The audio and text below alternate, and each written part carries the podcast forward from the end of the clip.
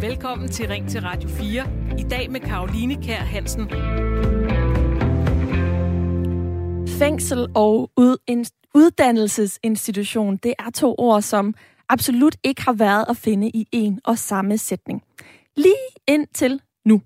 Fordi for første gang, så kan man nemlig som indsat i et fængsel i dag gennemføre en hel uddannelse. Mere specifikt, så er det kokkeuddannelsen, man kan, ud, man kan færdiggøre, hvis man går på et, eller er indsat på et fængsel. Man går ikke lige frem på et fængsel. I Storstrøm fængsel på Falster, der blandt andet rummer indsatte, der sidder i fængsel for nogle af de groveste forbrydelser i vores samfund, der har man lige nu to kokkeelever i lære i fængslets professionelle produktionskøkken. Det er altså et sted, hvor der er 30 indsatte, som arbejder side om side med syv ansatte. Det er skarpslæbende køkkenknive i hænderne, der er på de her indsatte hverdage, der minder om normal arbejdsdage. Og ikke mindst så er det muligheden for at tage en hel uddannelse, imens man afsoner sin straf. Det er det her uddannelse under fængselsophold og forhold i fængslerne, vi skal tale mere om den næste lille times tid her i Ring til Radio 4 i dag. Ring til Radio 4, det er Radio 4's lytterprogram. Et program, hvor vi er her for at høre alle jer, dejlige lyttere, høre jeres stemmer og høre, hvad I mener om det emne, som vi tager op hver eneste dag. Og mere bestemt, så er det altså holdningerne til uddannelse og forholdene i lands fængsler, som det handler om i dag. Generelt så kan man argumentere for, at vi har ret gode forhold i de danske fængsler. I et fængsel, der kan man arbejde, og man kan uddanne sig. Før det her tiltag, så øh, har der været mulighed for at tage en øh, øh, have undervisning på grundskoleniveau og tage forskellige kurser, mens man har været indsat. Man har også kunne påbegynde en videregående uddannelse, men man har altså ikke kunne færdiggøre den, som er det helt nye, man kan på Storstrøm Fængsel, hvor man kan tage en hel kokkeuddannelse. Som fængselsindsat, der kan, indsat, der kan man også købe ind og lave mad. Man kan se tv og gå til gudstjeneste. Nogle indsatte, de får endda lov til at afzone sammen med deres børn. Er det godt, at et fængselsophold det minder om sådan et rimelig normalt liv uden for murene, så det er med til at gøre den fængslede klar til en frisk start på den anden side, og der er mulighed for at tage en hel uddannelse, som også kan sikre den fængslede beskæftigelse hurtigst muligt, når dommen den er afsonet. Eller er der grænser for, hvor normalt et liv en indsat skal leve, hvis der skal stadig være tale om, at det er en straf? Er det vigtigt, at den indsatte virkelig også mærker konsekvensen af den forbrydelse, som han eller hun nu har gjort, øh, og ved i højere grad at få frataget sin frihed til at gøre noget som helst under afsoningen. Det er mellem de to punkter, vi spænder dagens line, når det overordnede spørgsmål, det lyder, skal vi tilbyde kriminelle at få en uddannelse under fængselsophold, og er der grænser for, hvor komfortabelt et fængsel, fængselsophold bør være? Du kan give din me- mening til kende. Det håber jeg virkelig, at du vil, fordi som sagt, så er vi her for at høre jer dejlige lytters meninger den næste times tid. Du kan ringe ind allerede nu på 72 30 44 44, 72 30 44 44, eller send en sms til 14 24. Og som altid, så har jeg et dejligt lytterpanel, som er med igennem hele timen. I dag så består det panel af Jakob Brik, 38 år øh, og bosiddende i Fredensborg. Velkommen til. Tak skal du have.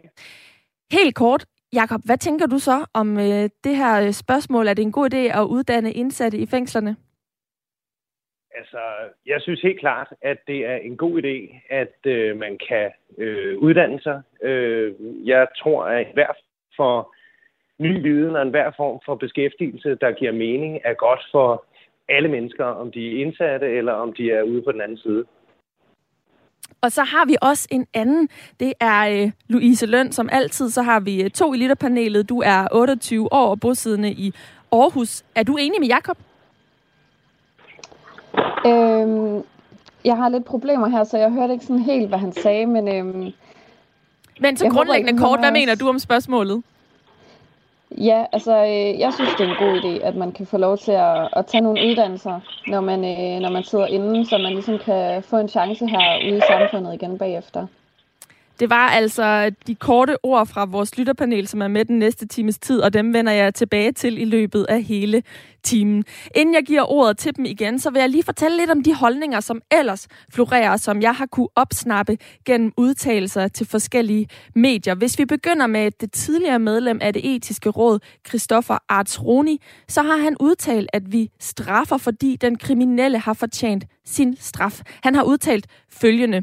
Hvis man har det bedre i fængslet end uden for fængslet, er det jo ikke en straf. Så lyder det altså fra tidligere medlem af det etiske råd, Christoffer Artsroni.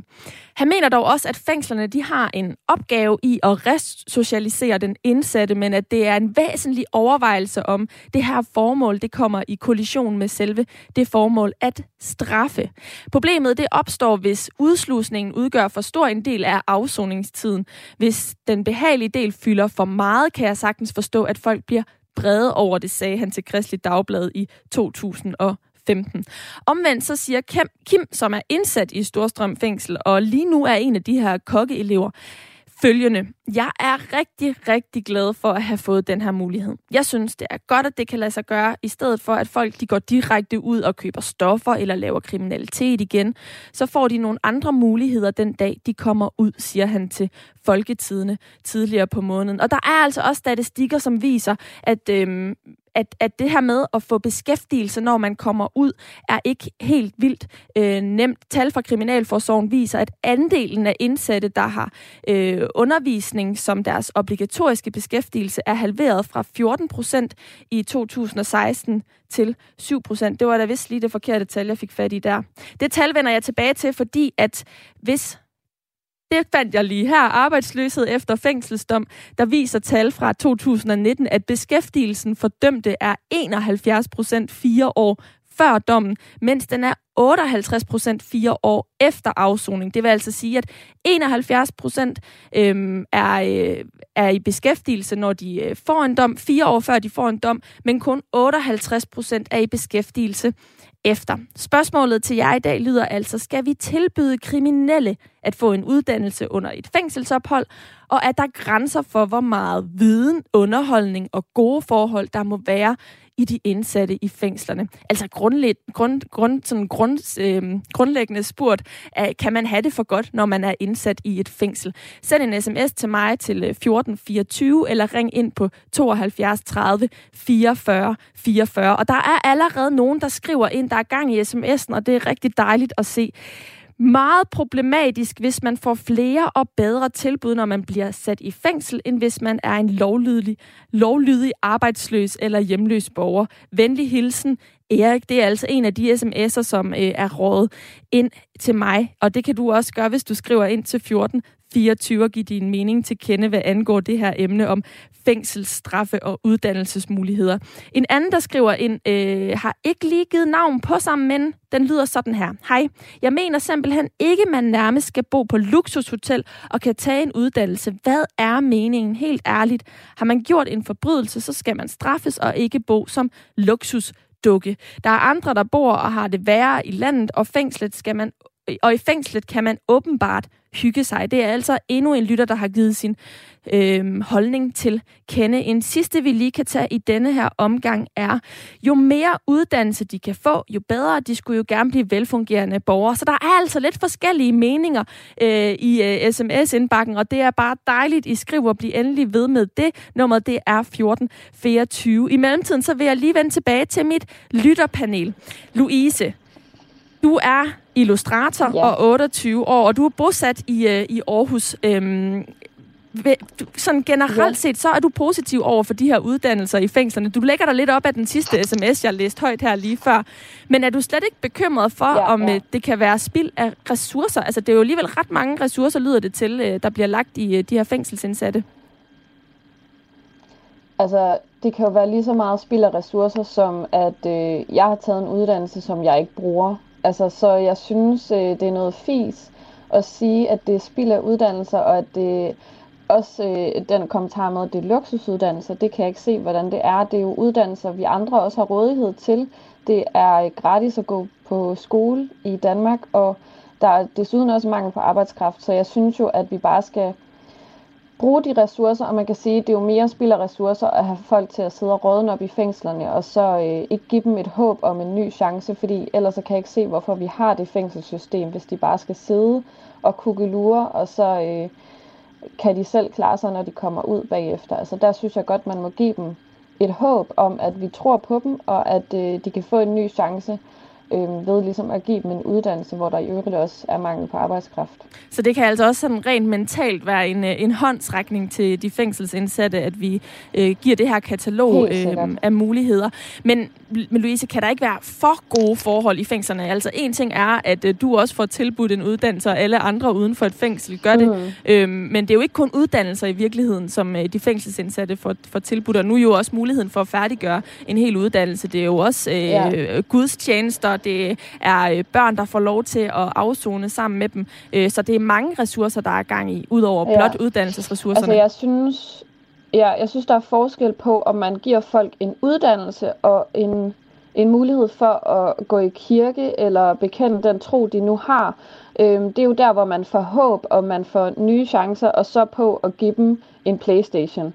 Altså jeg synes virkelig, at vi bruger pengene meget bedre, hvis vi giver dem en uddannelse, som også er til gavn for resten af samfundet, og vi også giver dem noget, øh, altså et, et holdepunkt i en måske meget svær personlig tid også. Altså jeg underkender selvfølgelig ikke, at det har været svært for dem, hvor de ligesom har begået forbrydelsen mod. Det er slet ikke det, jeg siger, men det er mere, at hvis vi skal have det fængselssystem, vi har, hvor de skal ud i samfundet igen, det er jo sådan et system, vi har i Danmark. Altså man sidder jo ikke i fængsel i 100 år, eller har dødsstraf heldigvis, men hvis de skal ud i samfundet igen, så synes jeg også, at vi har en opgave i at hjælpe dem på vej, og ligesom vise dem, at vi på en eller anden måde, det er ikke fordi vi glemmer det, de har gjort, men vi giver dem en ny chance.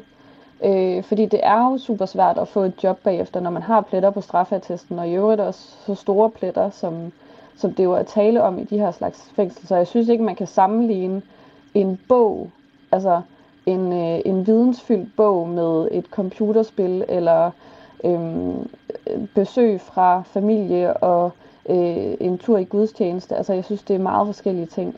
Det har du helt ret i. Øhm, ti, øh, hvad hedder det, Louise? Der er en Tine i min indbakke i Hirtal, som har skrevet en sms, jeg lige vil dele med dig. Hun skriver, prøv at spørge et offer for et groft overfald, hvad de synes om, at deres gerningsmand får en fed uddannelse. Ryger man i fængsel, så skal det være en straf og ikke et ferieophold. Hvad tænker du, Louise, omkring øh, det her med offrenes retsfølelse? Altså, at der jo også har været nogle ofre i de her tilfælde, som altså, virkelig kan have fået nogle ar på sjælen. Det, det forstår jeg 100% godt. Altså, jeg ville da også synes, det var så forfærdeligt, hvis jeg øh, var blevet udsat for en forbrydelse, og den person så øh, kommer ud og bare lever det fede liv bagefter.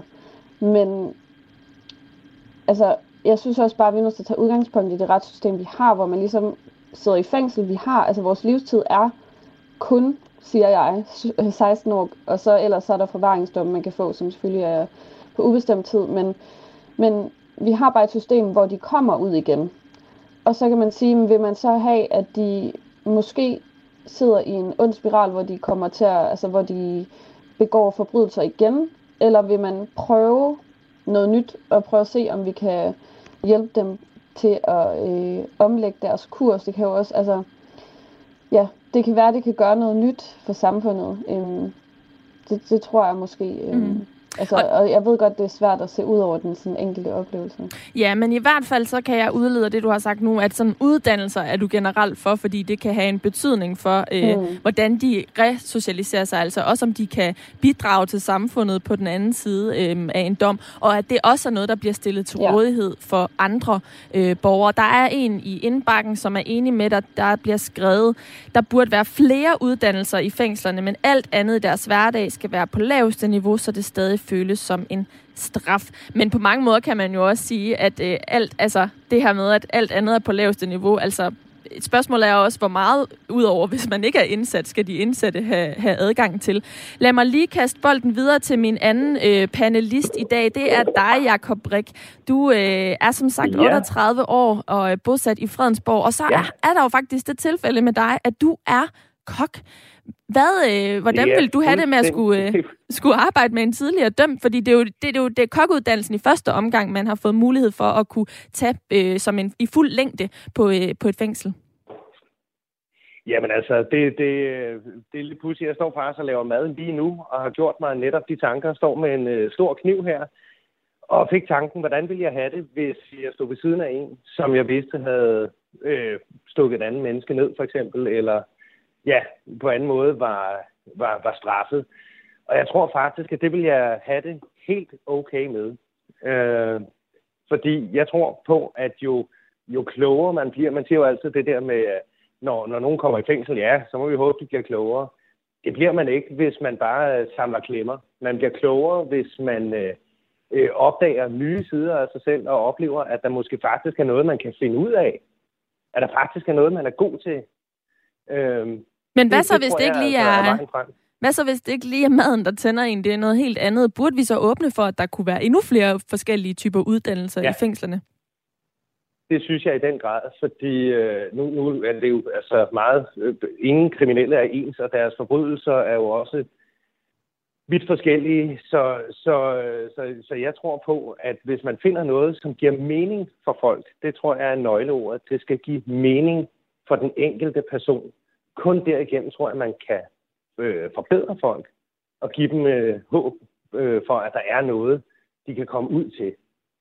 Så der... det ikke er det samme, de kommer ud til. Hvis man ikke lærer noget nyt, så kommer man ud til det samme, man øh, øh, var i, inden man kom ind og sidde. Og så vil man bare gentage sine øh, onde øh, det, det gerninger. Jeg, det siger statistikken jo, øh, det siger statistikken jo det, det, desværre også, at der er rigtig mange, der, der ender, ender op i fængsel igen. Altså, Jakob, du er jo en af mine lytter, øh, øh hvad hedder det, panelister, øh, lytter, en fra lytterpanelet, ja. som jeg har med hele timen. Øhm, der er også gang i sms'en, og en af de lyttere øh, ude på den anden side, der skriver ind, det er Anne Vibeke. Hun skriver fint med uddannelse med øh, et dannelsesplatform, men kokkeuddannelse, helt ærligt, det fag er super belastende, stressende med hårdt og kontant miljø. Hvad siger din erfaring i forhold til miljøet, og så det, at det er den her uddannelse, som de fængselsindsatte nu har mulighed for at tage? Jeg vil sige, øh, det, det, er, det er fuldstændig rigtigt, men øh, det har også ændret sig meget. Øh, der har været mange udsendelser med Gordon Ramsay og forskellige andre, så hvor, hvor, øh, hvor man råber og skriger af hinanden i køkkenet, og det er som mest for, for tv's skyld. Jeg har arbejdet en rigtig, rigtig mange dejlige steder, hvor zonen har været god, og hvor den har været ordentlig, og hvor man er samlet om et fælles projekt, netop det at gøre noget godt for andre, lave noget lækker mad, give dem en god oplevelse. Så jeg vil sige, at kokkefaget har altså også rigtig meget positivt øh, at byde på, og så er det et fag, som kræver utrolig meget ordentlighed og struktur. Øh, og ja, jeg vil sige, det er der selvfølgelig også mange andre uddannelser, der gør, men, men øh, jeg blev da glad for at høre, at det var en kokkeuddannelse, for det, det, det mener jeg altså er en uddannelse, som rummer rigtig mange ting, og som kan give rigtig mange ting, også når de kommer ud på den anden side. Således lyder det altså fra min ene, øh, den ene gæst i lytterpanelet i dag, som altså er kok, og jeg vender tilbage til Jakob, Jakob Brink øh, lidt senere. Fordi at uddannelse i fængslerne, det er jo en ting. En anden ting, det er, om der er grænser for, hvad vi skal tilbyde de kriminelle i resocialiseringens navn. En af dem, der mener, at det må der være en grænse for, det er dig, Mikkel Bjørn Sørensen, retsordfører for Nye Borgerlige. Velkommen til. Tak for det. Selvom der må være en grænse, så har du det som udgangspunkt fint med, at man kan tage en uddannelse i fængslerne. Hvorfor det? Jamen det handler først og fremmest om et samfundshensyn, nemlig at øh, samfundet har naturligvis en interesse i, at de kriminelle i videst mulig omfang ikke også er kriminelle, når de kommer ud på den anden side. Øhm, fordi at vi selvfølgelig har en samfundsinteresse i at have så lidt kriminalitet som overhovedet muligt. Øhm, men altså, jeg, jeg ved heller ikke, om det er helt rigtigt, når du indledningsvis siger, at der er en grænse for, eller, eller jeg synes, der er en grænse for, øh, hvad man skal tillade i resocialiseringsnavn, men jeg synes, der er en grænse for, hvad man skal tillade, hvis det alene handler om hensynet til den kriminelle, fordi at Øhm, det handler om samfundshensyn her, det handler om hensyn til ofre øh, højere grad. Jeg synes, der er en, der er en skæv, skævvridning i vores samfund, hvor vi lidt for ofte taler om hensynet til den kriminelle, i stedet for hensynet til de ofre, der bliver udsat for kriminalitet. Og det synes jeg, der skal rettes op på. Så du mener altså i højere grad, at vi skal tale om offrenes retsfølelse frem for mm. de indsattes øh, forhold? Hvis det alene, alene handler om at sikre indsatte mere gunstige forhold, så ja, så synes jeg helt afgjort, at de øh, offernes retsfølelse er vigtigere end, øh, end øh, luksuriøse forhold for fængselsindsatte. Men, men det betyder ikke, at jeg ikke synes, at resocialisering i sig selv øh, er en god idé. øh, på grund af, af samfundshensynet til, at vi, vi gerne skal undgå kriminalitet. Hvis vi ser på forholdene for de fængselsindsatte lige nu, mener du så, at øh, de er for gode? Det skal jeg ikke kunne sige. Altså, jeg har ikke været ude og besøge et fængsel, men jeg synes, at jeg har læst om nogle sager, hvor at, øh, at der, der, det er tydet på, at, øh, at vi i hvert fald serverede øh, ret øh, godt mad for vores fængselsindsatte i modsætning til nogle af vores ældre på plejehjemmene, der får vakuumindpakket øh, mad. Og det synes jeg da, at der skal ikke være en sådan skævhed, at, at vi behandler vores fængselsindsatte bedre, end vi behandler vores ældre øh, medborgere. Øhm, så, så det synes jeg helt overordnet set. Så det er altså meget plejehjemsforholdene, du sammenligner med?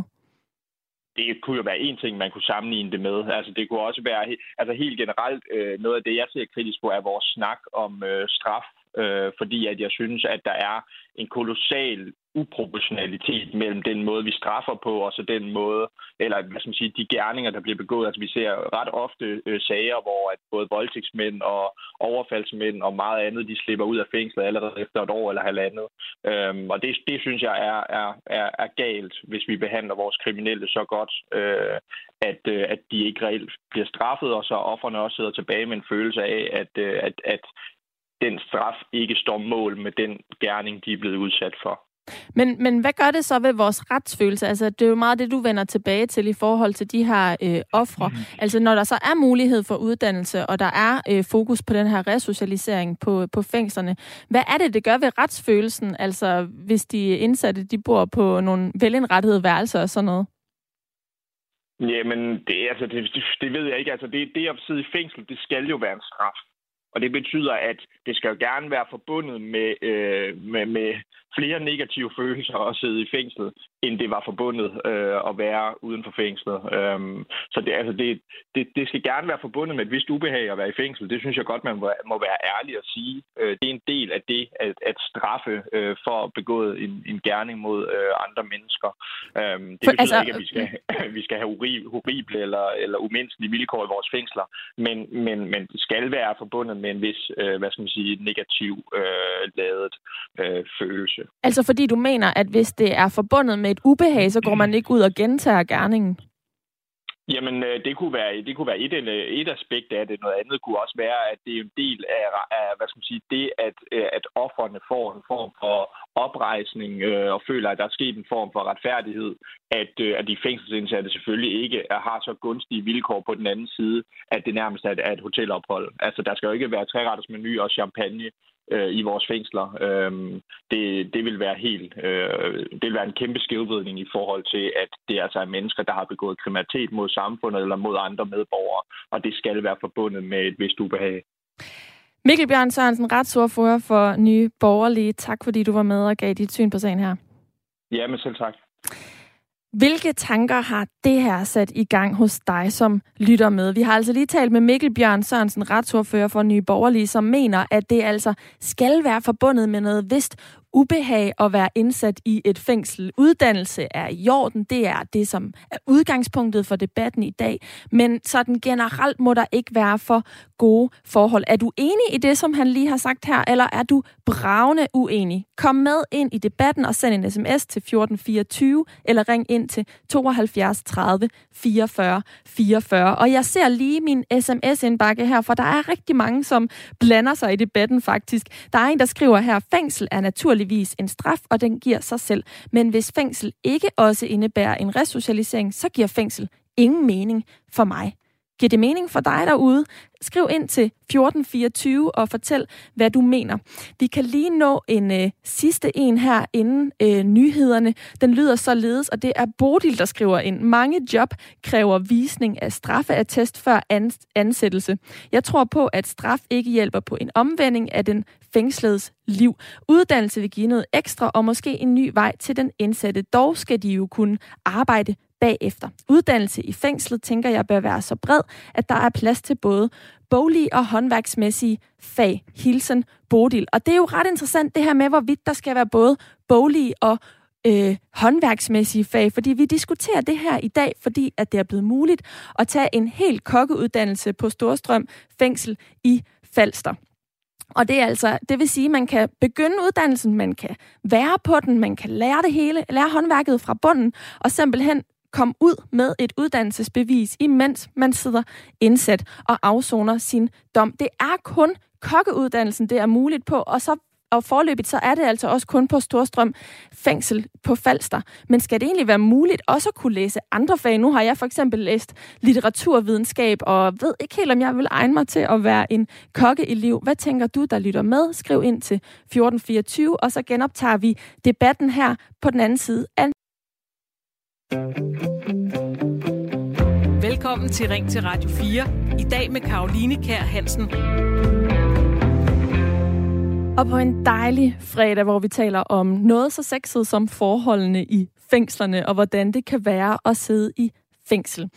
Der er jo en gammel talemåde, som hedder at være på vand og brød, og den indikerer altså, at det skal være skrabet og sidde i fængsel. Blandt andet fordi det gør noget godt for vores retsfølelse, at kriminelle de bliver straffet.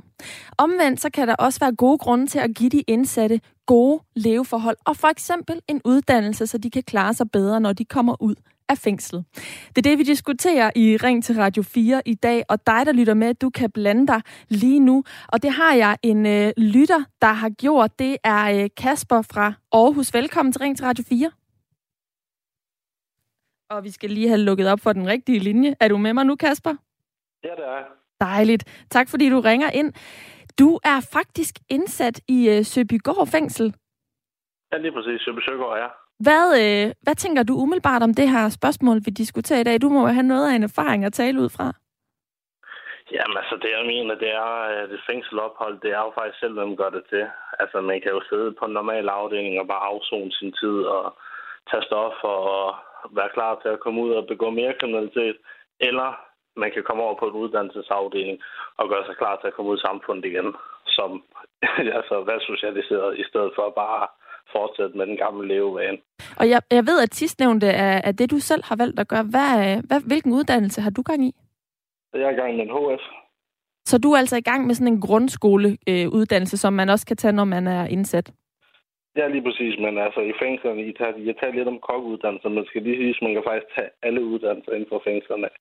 Altså man kan gå frigang, hvor man får lov til, altså så skal man selvfølgelig have tilladelse til det, og så får man lov til at tage ud og faktisk gå på universitet, eller kokkeuddannelse, eller tømmer, eller uanset hvad man har lyst til, så er det faktisk en mulighed i de danske fængsler.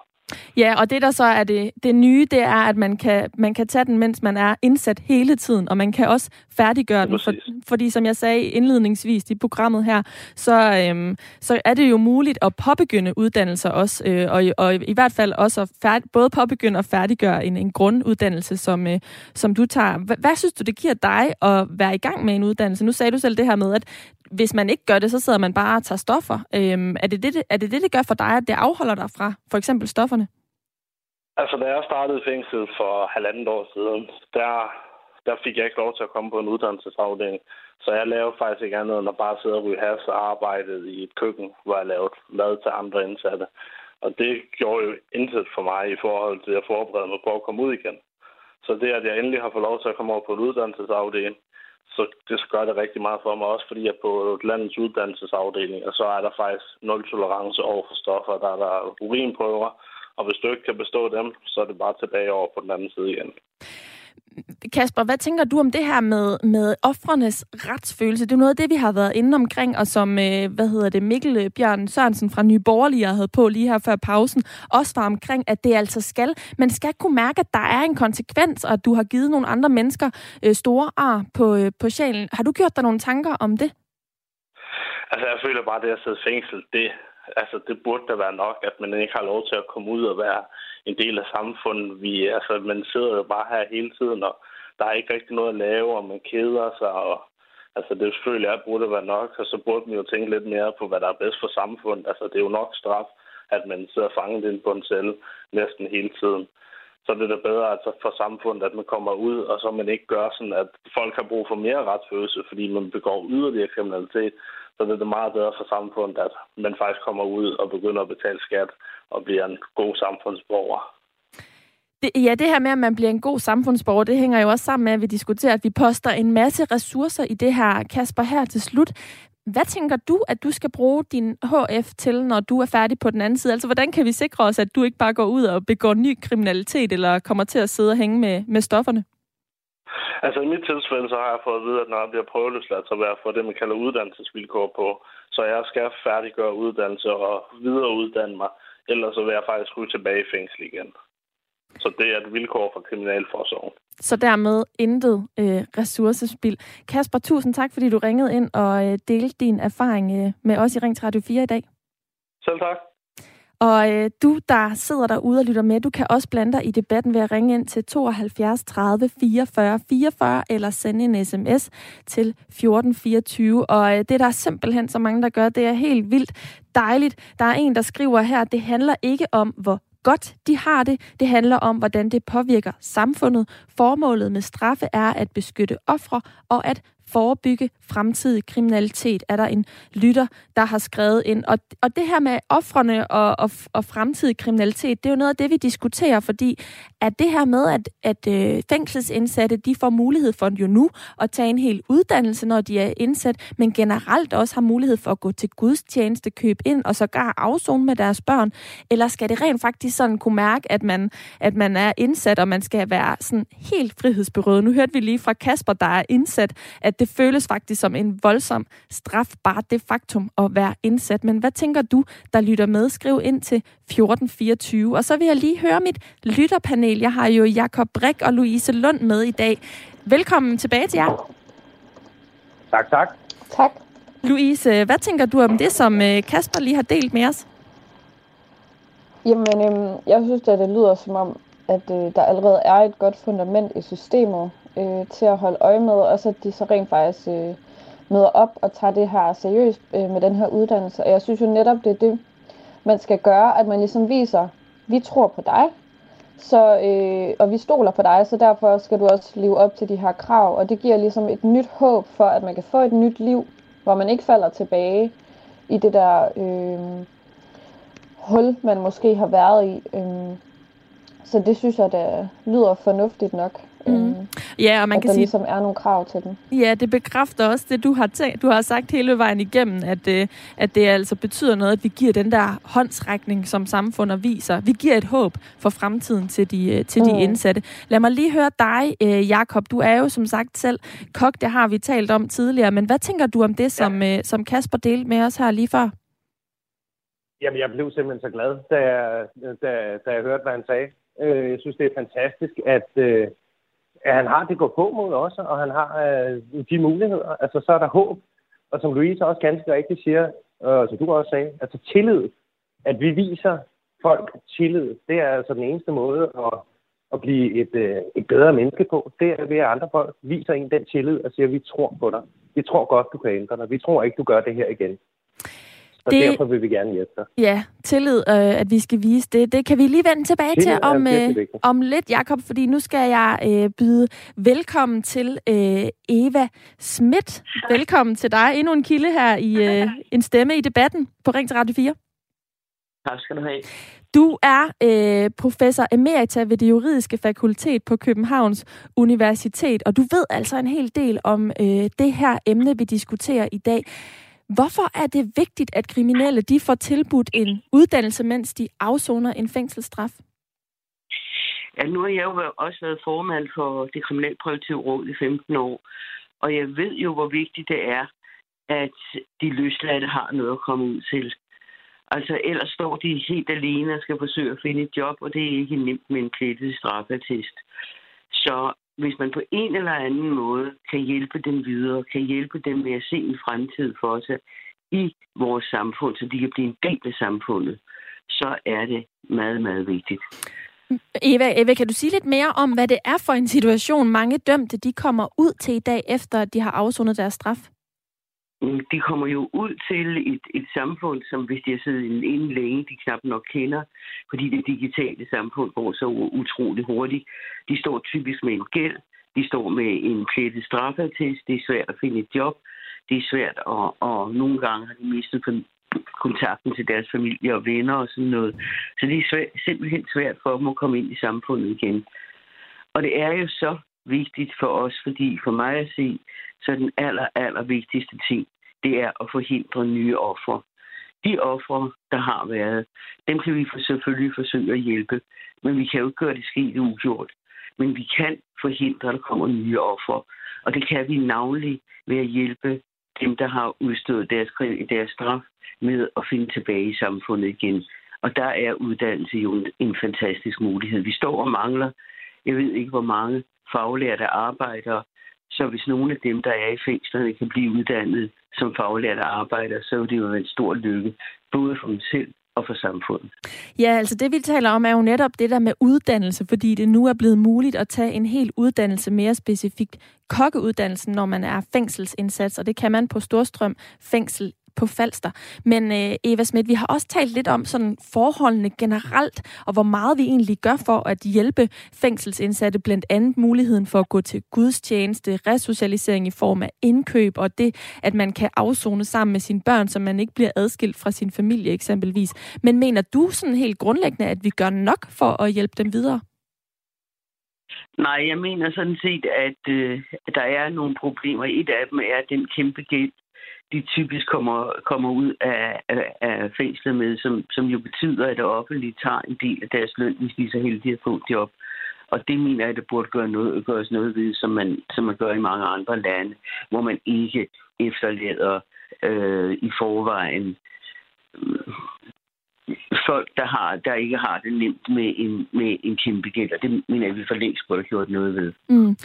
Øhm, Eva Schmidt, vi har jo dig med, fordi du, øh, du ved noget om det her. Du er øh, professor emerita ved det juridiske fakultet på Københavns Universitet, men Ring til Radio 4 er øh, lytternes program. Det er jeres stemmer, vi rigtig gerne vil høre. Derfor så efterspørger jeg løbende sms'er fra jer med jeres øh, holdninger, og vi har øh, fået en, øh, en sms Øh, nu skal jeg lige finde den her, for den var nemlig ret god, øh, som jeg lige vil dele med dig, Eva. Den lyder således her, og den er fra Ole Hessel, som er direktør i High Five. Således lyder den. Organisationen High Five har siden 2006 hjulpet tidligere straffet i job efter afsoning, og sam, samtidig deltager vores virksomheder i 45 forskellige AMU-forløb i forskellige uddannelser i 2022. Der er regler for, hvordan straffen skal afsones, hvis vi som samfund ønsker ønsker, at dømte skal leve et lovligt liv efter afsoning, må vi udnytte tiden under afsoning til at give dem kompetencerne til det. Det er tåbeligt ikke at gøre det, og det er også det, jeg kan høre, du mener, Eva, altså at vi i virkeligheden, øh, vi i hvert fald skal hjælpe dem, og vi faktisk bør hjælpe dem endnu mere. Ja, det synes jeg sådan set, men det er jo fordi, det er så vigtigt, hvis de skal undgå at falde tilbage i kriminalitet. Vi ved jo, at over 50 procent falder tilbage. Vi ved også, at de kriminelle stort set er unge, og det vil sige, at de er uddannelsesparate, men man, man vil kunne give dem en, en, en uddannelse og noget hjælp, så de kan komme videre øh, i deres liv. Jeg synes, det er fantastisk med sådan en organisation det var i det kriminalpræventive råd, der var vi også ude og snakke med forskellige virksomheder, sige, nu kommer der en ud af fængslet. Han vil utrolig gerne have et job. Det er nemt. Han har en plettet straffetest. Er det sådan, at I kan øh, hjælpe ham til at få et job? Og der var langt de fleste var meget positive. Mange af dem var nede og spørge øh, i det chak eller det team, han skulle arbejde i, at sige til at få en straffet ind. Og langt, langt de fleste sagde, vi vil gerne hjælpe. Vi synes, når han har udstået sin straf, så skal han også have en chance for at komme tilbage og blive en del af, af, af samfundet. Men, men samtidig så det, vi diskuterer, er jo også det der med at hjælpe undervejs, men straffen den afzone. Så jeg har en anden sms, jeg også rigtig gerne vil dele med dig, Eva. Den er øh, fra Daniel og lyder sådan her. Hej, lad nu være med at gøre de kriminelle til ofre. De har valgt at gå den kriminelle vej. Dem, der er ofre, får de får øh, den samme hjælp med uddannelse og alt muligt. Man bliver simpelthen så træt af at høre på det her. Og der er en anden, der også har skrevet, nu gør I altså fangerne til ofre. De har selv ret deres seng. Kan du forstå det her perspektiv i forhold til offrene og retsfølelsen, Eva Schmidt? Det kan jeg selvfølgelig godt, men man må ikke glemme, at, at de, de kriminelle, som jeg sagde før, i meget stort omfang er ganske unge mennesker, som har levet et liv, hvor de har manglet øh, ja, kærlighed, støtte, hjælp til at komme videre. Og vi kan jo se, at de har manglet forbilleder, de har manglet, øh, kommer fra dårlige hjem, øh, hvor vi kan jo se, at hvis der er noget, der virkelig hjælper en ung kriminel, eller en ung kriminel, der er på vej ind til, til at blive kriminel, så er det, hvis man kan få en voksen person til at være mentor for ham. Et voksen menneske, der siger, du er for god til det her. Jeg vil gerne prøve at hjælpe dig igennem. Men det er et kæmpe arbejde for sådan en mentor. Og, og hvordan kan vi sikre os, at det i virkeligheden ikke er ressourcespil? Det kan man jo aldrig sikre sig. Det er jo klart. Det er klart, at med, med så øh, ofte ødelagte unge mennesker, som vi har at gøre med her, der vil der være nitter. Det er ikke hver gang, det lykkes. Men for hver gang det lykkes, så har så ved vi, at det menneske, der kommer i hvert fald ikke flere ofre fra ham, og øh, han kan nu blive en del af, af, af samfundet sammen med os andre.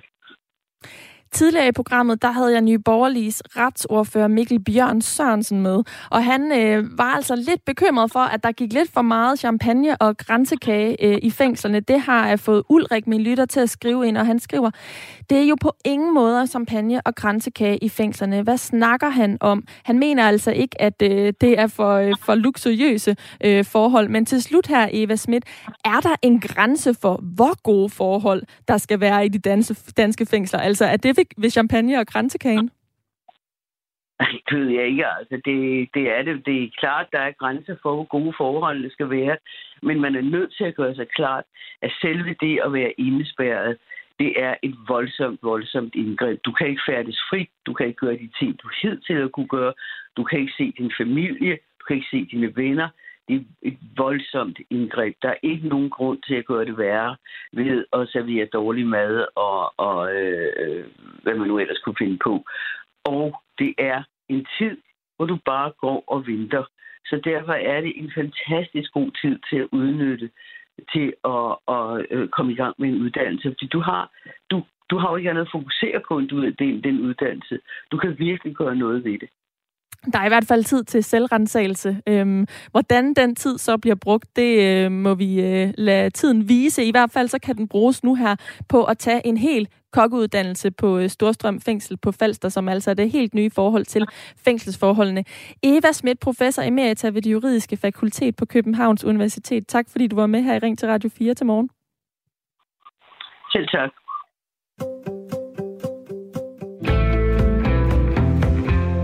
Og det er altså øh, forholdene i fængslerne, som vi øh, diskuterer i dag, og jer, der lytter med, skriv endelig ind på 1424 eller ring på 72 30 44 44. Det har øh, Kasper fra Frederikssund valgt at gøre. Velkommen til dig. Jo, tak. Du, øh, hvad tænker du om det her emne? Ja, men, men, men sådan lidt blandet, men det, det jeg skrev, jeg skrev en sms i, i forhold til, at jeg synes, man skal prøve at kigge lidt en anden vej.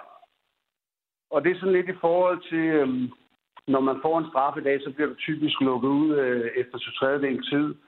Øh, så hvis du får en femårsstraf, så sidder du tre et halvt år, og så bliver du ligesom udsluset i samfundet.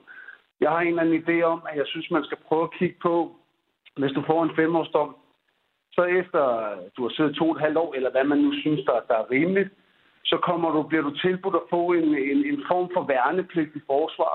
Øh, fordi jeg synes, forsvaret som institution øh, for et hvilket som helst land er faktisk øh, en, en, en, en rigtig god øh, ting med dannelse, og øh, hvor du lærer nogle helt basale ting, både om samfundet, men også om, om hvordan du opfører dig. Og den disciplin og de værktøjer, man får der, det tror jeg faktisk kunne gavne rigtig, rigtig mange. Og det, der typisk er, sådan, som, er, som er ens for, for rigtig mange, øh, der bliver straffet, det er det unge mænd. Og det er også det, Eva Schmidt siger, det er typisk unge mænd, som, som er lidt rodløse og, og de her ting her. Forsvaret er bare en glimrende institution til at tage sig af netop unge mænd. Også unge kvinder. Men, men, men, men virkelig der kan man, kan man gå ind og, og gøre noget. Og, og jeg tror, hvis man har et alternativ, hvor du både kan komme ud og være en vildbase, og du kan gå ud og, og være, som man, nu, som man nu er i forsvaret, men også det her med, at du bliver disciplineret, og du lærer rent ting, og du lærer sådan nogle helt gængse ting, det tror jeg faktisk vil være en kæmpe gave. Øhm, og hvis man så øh, afsoner den sidste del af straffen, øh, hvis, altså det kunne så være to og et halvt år på en, på en femårsdom, så tror jeg faktisk, at der er nogen, der vil vælge at fortsætte forsvar, og ellers vil man komme ud og egentlig have fået nogle helt andre principper, som jeg tror vil være langt stærkere, end at tilbyde en uddannelse i fængsel. Men, men Kasper, øh, nu er det jo ikke sikkert, at alle fængselsindsatte er såkaldte vildbasser. Der kan også være nogle øh, bogorme, der er ude i blandt, øh, vil, jeg, øh, vil jeg hæve det. Øhm, hvad nu, hvis at militæret bare slet ikke er noget for, for den person? Jamen, så er man jo velkommen til at afzone det sidste af sin straf og tage imod de her, hvor man bliver løsladt typisk på to tredjedel tid. Jeg synes bare, det skal være et tilbud, og så, og så kan folk prøve jeg, øh, jeg, jeg, jeg er selv tidligere straffet og kunne ikke komme i forsvaret, og dengang havde jeg ikke passet ind. Men jeg er helt sikker på, at hvis, hvis, hvis, hvis, jeg havde, hvis det havde været i dag, så ville jeg med glæde have taget den værnepligt, og jeg er også sikker på, at jeg måske kunne have, kunne have fundet på at fortsætte. Og jeg er helt med på, at folk er forskellige. Men muligheden for, at du, du kan afsk, altså, du kan afzone noget af din straf i, i forsvar, det tror jeg er et tilbud, som mange vil tage imod, fordi det gør, jamen, så skal du ikke sidde og, og rådne op i en fængselscelle. Så, så jeg tror, det er et rigtig, rigtig godt alternativ, og jeg er helt med på, at vi er jo alle sammen forskellige, men bare den dannelse, du får, det her med, at du stopper, man, øh, altså, man rærer sig seng, man, man synger morgensang, og hvad man nu ellers gør. Jeg tror, jeg tror, det er en kæmpe gave, og jeg tror virkelig, det kunne gavne noget på den lange bane. Så det var altså et tilbud, der havde, øh, havde talt til dig, Kasper. Øh, hvad, hvad brugte du selv din øh, tid på, da du afsonede en dom? Øh, jamen, jamen altså, den, det, det, det er mange år tilbage, men der, der kunne jeg både træne, og der kunne man nogle andre ting. I, i dag er det, er det væsentligt anderledes. I dag bliver man lukket ind kl. 7.30 om morgenen og bliver lukket ind, øh, jeg tror 20.30 eller, eller kl. 20. Altså, du sidder 12 timer sådan, sådan rundt regnet i, og kigger ind i, i fjernsyn eller ind, ind i en væg. Det er der ikke nogen, der vinder noget ved. Jeg er med på, at der skal være et element af straf, og det er der også, når du bliver frihedsberøvet. Altså, når du ikke selv bestemmer, hvornår du går på toilettet, når du ikke selv bestemmer, øh, hvad hedder det, hvornår du har lyst til at gå til købmand, eller hvad det nu kan være. Og jeg er helt med på, at det, det, det element skal der være. Men hvis man skal på den anden side af det, så tror jeg bare, at man er nødt til at finde et eller andet, der aktiverer folk, der kommer med, med et reelt alternativ. Kasper, det, det tror jeg virkelig. Tusind tak for at øhm, have, have delt den erfaring her med os, altså at militæret kunne være en mulighed, og det er i hvert fald en mulighed, du vil have taget øh, imod. Øh, tak for at dele den her i Ring til Radio 4. Ja, tak. Og nu kan jeg godt tænke mig lige at vende hovedet over til min øhm, til lytterpanelet, til den ene Jakob øh, Brink. Nu bliver øh, du, ja. du er jo kok, og det man allerede kan, er, at man kan øh, tage en kokkeuddannelse, hvis man er fængselsindsats. Men nu bliver øh, militærtjen, eller militærtjeneste altså øh, foreslået. Hvad tænker du om den i dag? Jamen, det, det tænker jeg egentlig også er, er, er udmærket. Øh, altså en kokkeuddannelse og militæret minder på, på nogle områder om, øh, om hinanden. Altså, der, der, der er nogle ting, der skal udføres, og man øh, kan få lov at, at knokle på. Og, jamen, altså, jeg tænker, at militæret kan være lige så godt som en kokkeuddannelse eller en tømmeruddannelse. Jeg synes ikke, det handler så meget om, hvilken uddannelse det er. Det handler om muligheden for at udvikle sig som menneske. Og hvis man får den mulighed, som du også ganske rigtigt siger, der kan være nogen, der er, er mere bolige, Jamen, så lad dem tage en boglig uddannelse. Jo klogere folk bliver, jo, jo mindre sandsynlighed er der højst sandsynligt i min optik for, at de begår kriminalitet. Fordi de fleste kan godt se, at kriminalitet er dumt. Men som øh, den dygtige professor også ganske rigtigt sagde, når man kommer ud og bliver løsladt, så kommer mange indsatte ofte ud til en, øh, en gæld eller økonomiske problemer, som er de samme eller værre end dem, de havde før de kom ind. Og der mener jeg, at ligegyldigt hvilken uddannelse det er, så er det der i hvert fald et positivt skridt på vejen til at blive en nyttig samfundsborger og få, det, få et godt liv. Vigtigst er altså også. Altså, det handler også om, at når man kommer ud, skal man faktisk have et godt liv. Men... Det synes jeg, alle fortjener et godt liv. Ja, det er der måske nogle ofre, der, er, der er uenige med dig i, eller måske enige. Øhm, det, men, men, men hvis vi yeah. ser på det her med, med udbuddet af, af uddannelser, nu siger du, at militærtjeneste også vil være godt, såvel som øh, boglige uddannelser. Øhm, det, det vil jo også kræve øh, flere øh, ressourcer til det. Altså, er der en grænse? Er der, er der, kan du skære et sted og sige, her synes jeg ikke, vi skal, den uddannelse skal vi ikke udbyde for, øh, for fængselsindsatte?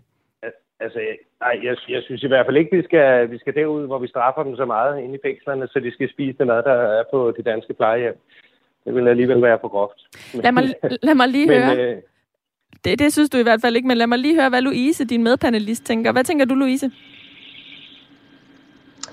Altså, øh, jeg synes, det er nogle spændende perspektiver, der er kommet på banen, men øh, jeg tror i sidste ende, der synes jeg stadigvæk, at man skal øh, ligesom tage det her sats på, øh, på ind, de indsatte. Altså fordi når man lukker dem ud af fængsel, så er det jo et sats også over for offrene. Altså sådan, gør de det igen, eller gør de det ikke? Og så kan man lige så godt give dem de bedste forudsætninger for, at de ikke gør det igen.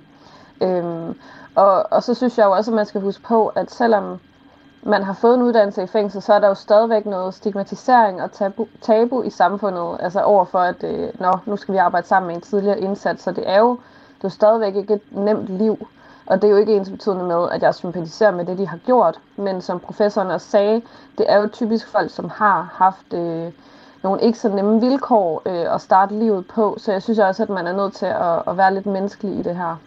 Der er også en lytter, der har skrevet, at de fleste kriminelle har haft en elendig opvækst og skal hjælpes så meget som muligt. Men, men Louise, selvom at du har fået bekræftet din holdning her igennem programmet, er der så altså, er der en grænse, du har nået, hvor du siger, her er det simpelthen øh, slut? Jamen selvfølgelig synes jeg jo heller ikke, at man skal leve det fede liv, og øh, at det skal være sådan, at man spekulerer i at komme i fængsel, fordi det er for dyrt at leve ude i virkeligheden, og at man øh, får god mad og øh, øh, får lov til at gøre lige, hvad man har lyst til, og bare suge på lappen. Altså sådan skal det jo heller ikke være. Så selvfølgelig er der en grænse for, hvor meget luksus man skal have i fængslerne, men jeg synes ikke, en uddannelse det er en luksus. Jeg synes, det er et, øh, en menneskerettighed. Louise Lund, tusind tak, fordi du var med mig her i Ring til Radio 4 i dag. Selv tak. Og øh, Jakob Rik, det sidste ord fra dig. Hvad tager du med fra programmet her? Du har jo også været med hele timen. Det skal være helt kort. Jamen, øh, først, det var super interessant. Jeg synes, det var nogle øh, rigtig dejlige øh, holdninger. Og øh, ja, især skønt at, skønt at høre fra en, øh, en indsats, som øh, forhåbentlig ikke øh, skal ind og sted igen. Det er jeg helt enig i. Jakob Rik, tusind tak, fordi du var med. Selv tak. Det var en fornøjelse. Tak for et godt program. Ja, i lige måde, fordi du vil øh, bidrage til det. Og tusind tak til alle jer lytter, og ja, også fængselsindsatte. Det har været helt fantastisk at høre om jeres øh, erfaringer og jeres holdninger til det her emne i dag. Vi er tilbage med Ring til Radio 4 på mandag kl. 9.05. Nu skal vi have et nyheds